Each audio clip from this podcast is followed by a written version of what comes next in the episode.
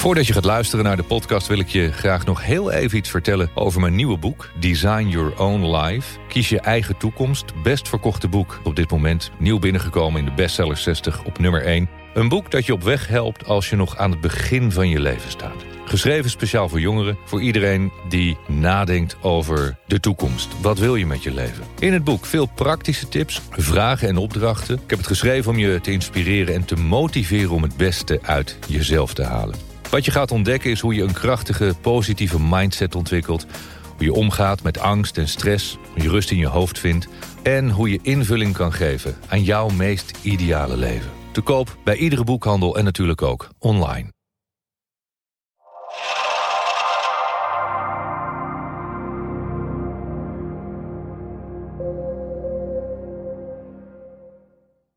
Waarom bereiken sommige mensen veel meer dan anderen? Iemand. Ehm, ja, waarom verdienen sommige mensen veel meer dan andere mensen?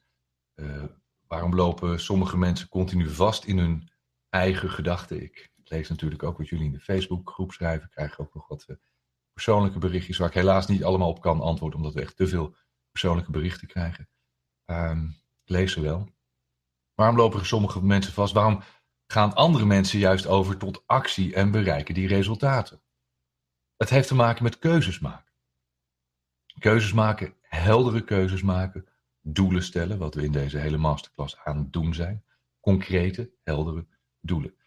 En als je dat doel hebt gesteld, dan is het nog steeds een soort intentie, een goed voornemen van dit lijkt me leuk om te gaan doen. Een wens.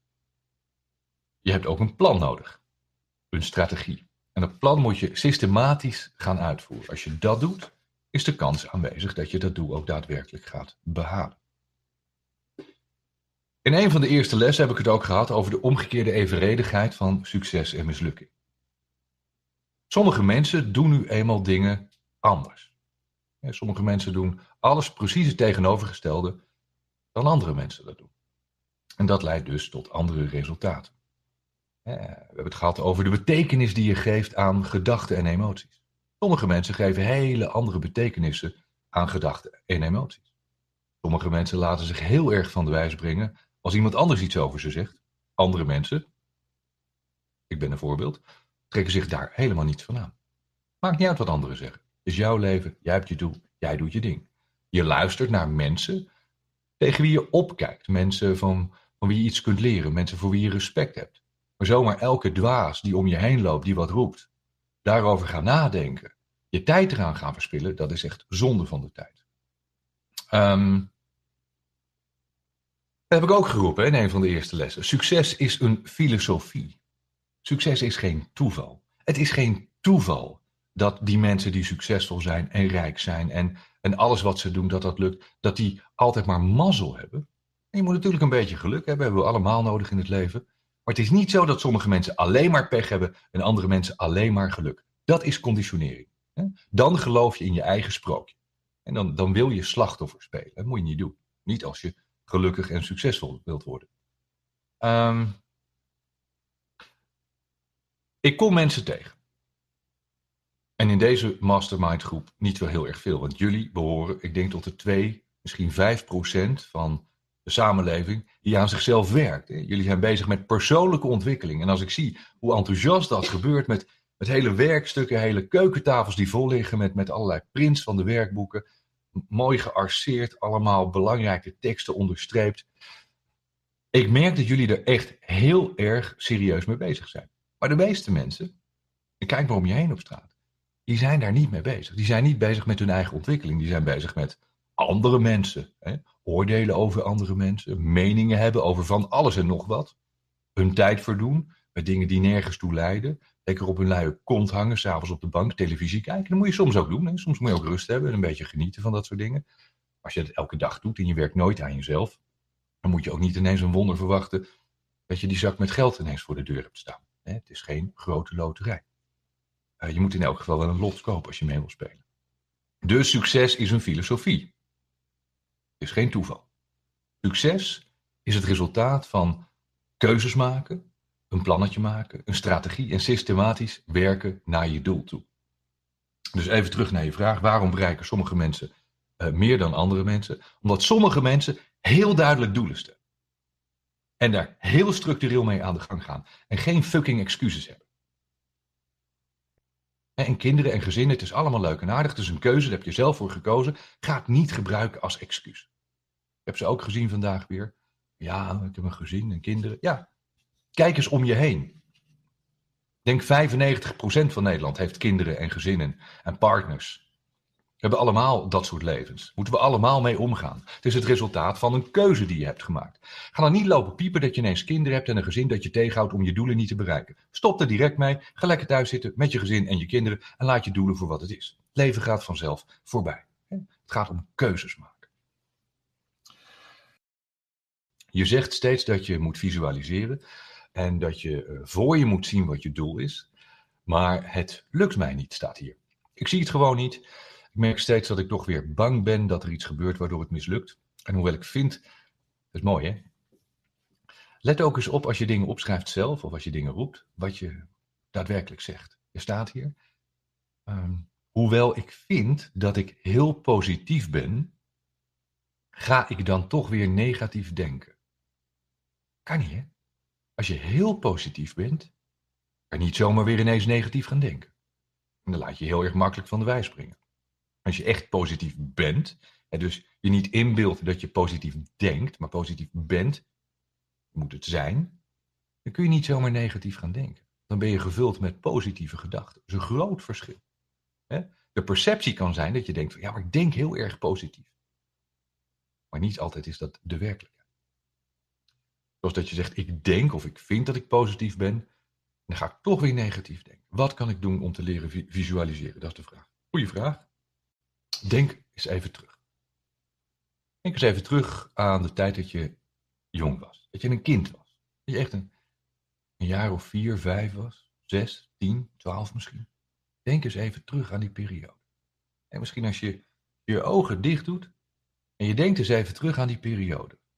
Toen je klein was. Hoe ging dat dan? Kon je toen visualiseren? Kinderen hebben een oneindige verbeeldingskracht. Kinderen leven nog in de wereld van prinsessen en ridders en vliegende paarden en tovenaars en Harry Potters. En het is allemaal mogelijk.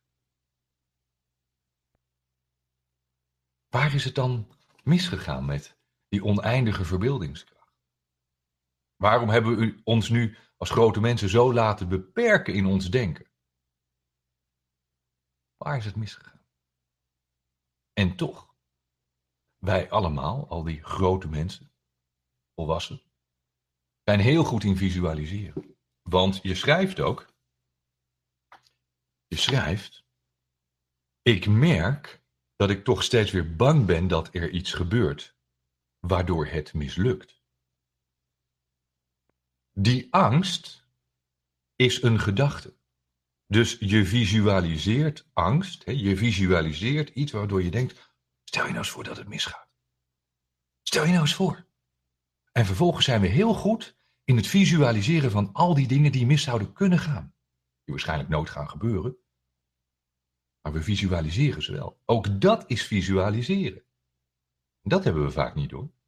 Dus als het gaat om negatieve gedachten en angsten, kunnen we ze vaak heel makkelijk visualiseren. Dus je doet het wel. Iedereen doet het.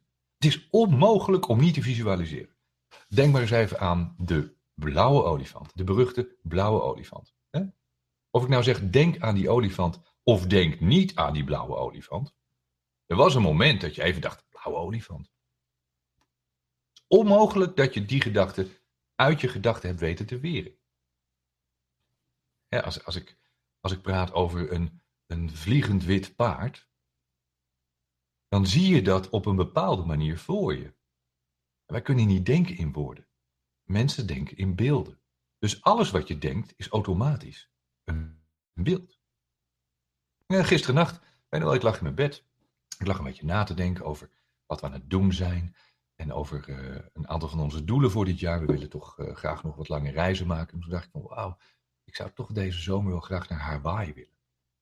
En dan, dan denk ik niet aan de letters H, A. Nee, ik denk aan aan die eilanden, aan die palmbomen, aan die mooie zee. En ik zag mezelf daar op een bootje tussen die eilanden bij Hawaii. Zeilen op de zee. en op dat strand zit en ik zag het voor me. Als ik denk aan zoiets, hè, dan visualiseer ik me hoe het eruit ziet. Dat gaat automatisch. Dus waarschijnlijk visualiseer je automatisch zonder dat je dat doorhebt.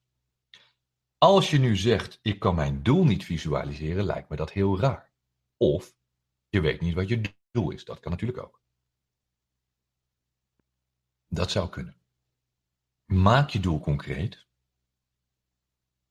Denk eraan. En begin anders eens klein. Denk, denk anders eens aan een simpel ding. Het maakt niet uit. Als je denkt, uh, een zwart konijn. Iets heel geks, maar dan zie je dat toch voor je. Dat moet toch haast. Begin jezelf eens te trainen met kleine dingetjes. Dat je ontdekt dat je altijd visualiseert. Dat je alles beeldend maakt voor jezelf. En dan kun je langzaamaan kun je het groter maken. En het is ook een kwestie van oefening. Hè? Het is training van je hersenen, van de spieren daarboven in je hoofd. Hersenen zijn spieren. Ik weet ook wel dat het niet zo is, maar ze werken wel zo. En je onderbewustzijn werkt ook op die manier. Als je het niet traint, dan verlies je het. If you don't lose it, if you don't use it, you lose it. What you don't use, you lose. Dus je moet je hersenen en je bewustzijn en je onderbewustzijn moet je blijven gebruiken, actief, trainen. Dan zul je ook merken dat het makkelijker en makkelijker gaat worden. Net als dat je in de sportschool gaat trainen.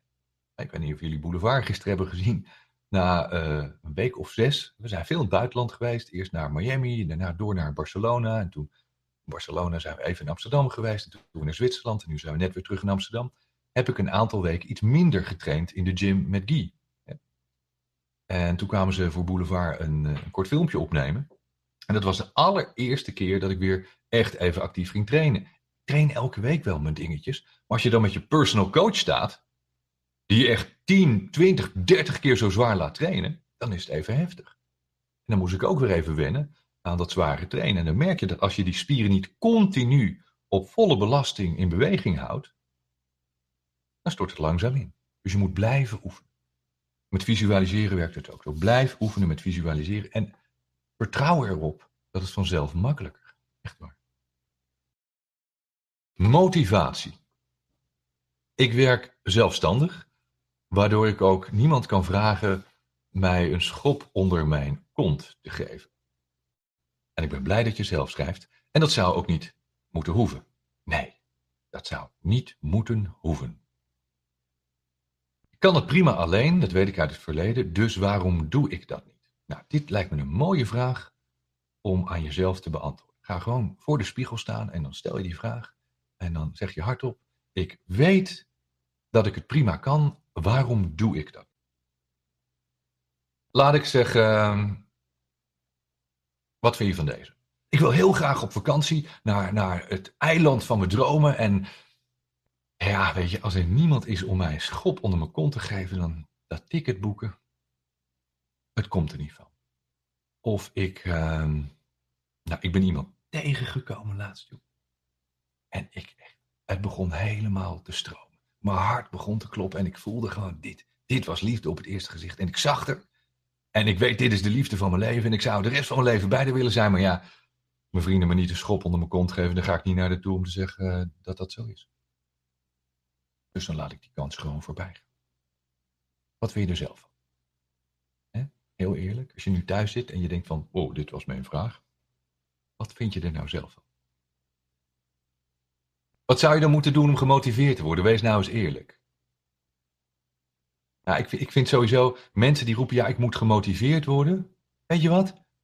Loop naar de gamma, koop zes planken, een hamer en een paar spijkers. Ga er vast in liggen.